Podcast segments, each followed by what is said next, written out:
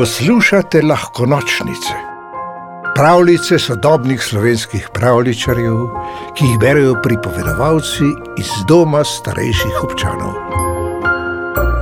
Krompirček na počitnicah. Bil je lep pomladni dan, ko so se otroci vračali iz šole. Toplo sonce jih je spodbudilo, da so se začeli pogovarjati o počitnicah. Mi gremo poleti vedno na morje, se je pohvalila neka deklica. Tam plavamo in se sončimo. Mi gremo pa v hribe, je rekla druga. Taborimo ob gorskem jezeru, plezamo po skalah, opazujemo gamse.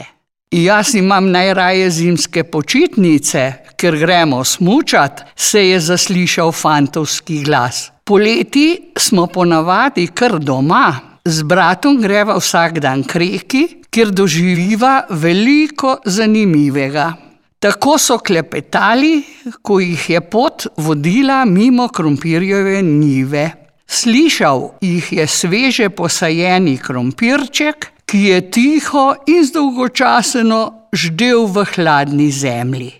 Očesca so mu kar zažarela od navdušenja.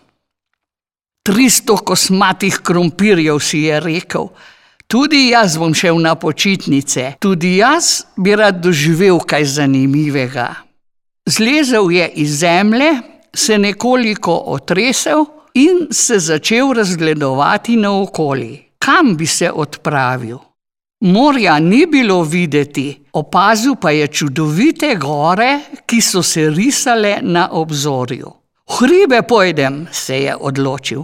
Poiskal si je pohodno palico, si na glavo poveznil klobuček iz brezovega lubja in je šel.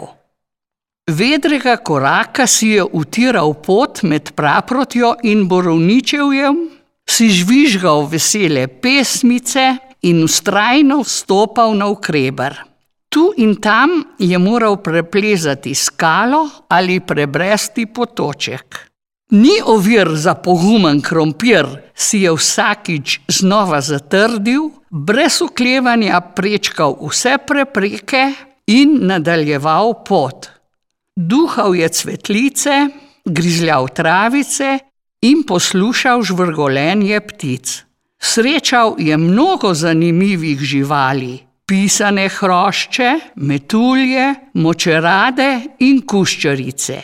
Iz grma je preplašil stržka, na bližnji uspetini pa je videl srne. Po dolgih urah pešačenja je končno prispel na cilj. V skriti alpski dolinici se je pred njim zalesketalo kristalno gorsko jezerce.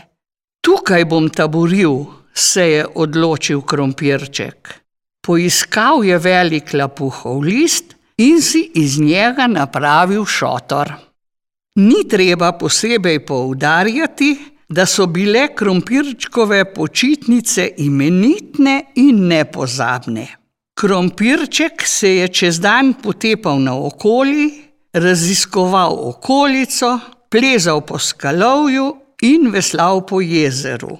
Ob večerjih pa je posedal ob tabornem ognju, igral na piščalko in opazoval zvezde. Dnevi so brezkrbno minevali, vse dokler se nekega dne ni zgodilo, da so k jezercu prišli ljudje. Bili so taborniki. O, poglej, tule med skalami leži krompir, je rekel eden od njih in pobral krompirček. Vzel ga bom, da ga bomo zvečer spekli v žrjavici. Ne bomo ga pekli, je rekel drugi. Čisto zelen je, zagotovo je strupen. Zelen, o ja, naš krompirček je bil po dolgih dnevih na žarkem soncu videti kot majhen zelen marsovček. Če se človek sonči, porjavi, če pa se sonči krompir, postane zelen. Vseeno gre z mano, prerezal ga bom na pol in si iz njega naredil krompirjeve štampilke. Štampilke, ojej! Krompirček se je močno prestrašil. Ne, je zakričal in se v trenutku spretno izvil taborniku iz dlani. Stekel je in tekel, kolikor so ga nesle tenke nožice. Koma je lovil sapo. Še dobro, da je v bližini rasla gosta podrast. Krompirček je potonil vanjo, preden sta se presenečena tabornika ovedla. Nikoli ne bom štampilka, nikoli! je zasoplo ponavljal sam pri sebi in se hitro spuščal po pobočju navzdol. Bila je že trdna tema, ko se je z zadnjimi močmi privlekel k domači njivi. Bil je tako izčrpan, da se še zakopati ni mogel. Obležal je kar tam, na stezici, prav tisti, po kateri šolarji vsak dan korakajo v šolo in domov. Ko je kmet zjutraj prišel mimo, je takoj opazil, da na poti leži krompir. Nad vse se je začudil. Kaj pa ti tule, te zadnjič nisem posadil dovolj globoko? Zaskrbljeno se je sklonil k krompirčku in ga nežno vzel v dlani. Saj si v zelen in nakaljen, je rekel. Krompirček je globoko vzdihnil. Veš, šel sem na počitnice v gore, taboril sem ob jezeru, postavil sem si šotor in naredil čovn. Veliko sem plezal, raziskoval naravo, imel sem se krasno, dokler. Kmet je pozorno poslušal krompirčkovo pripoved, se vmes nekajkrat na široko nasmejal na to pa resno rekel: Dragi krompirček, kakšen krompir si imel, da se je vse srečno izteklo.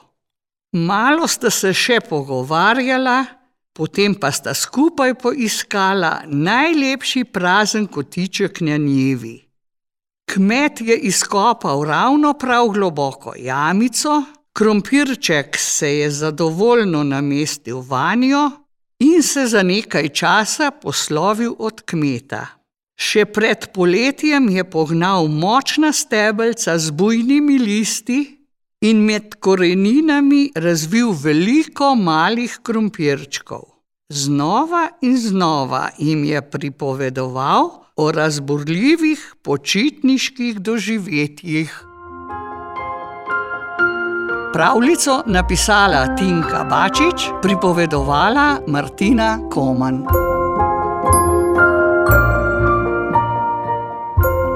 V deželo princesk, zmajev, gozdnih vil in ostalih čarobnih biti ste vabljeni na lahko nočnice, pika si, pa lahko noč.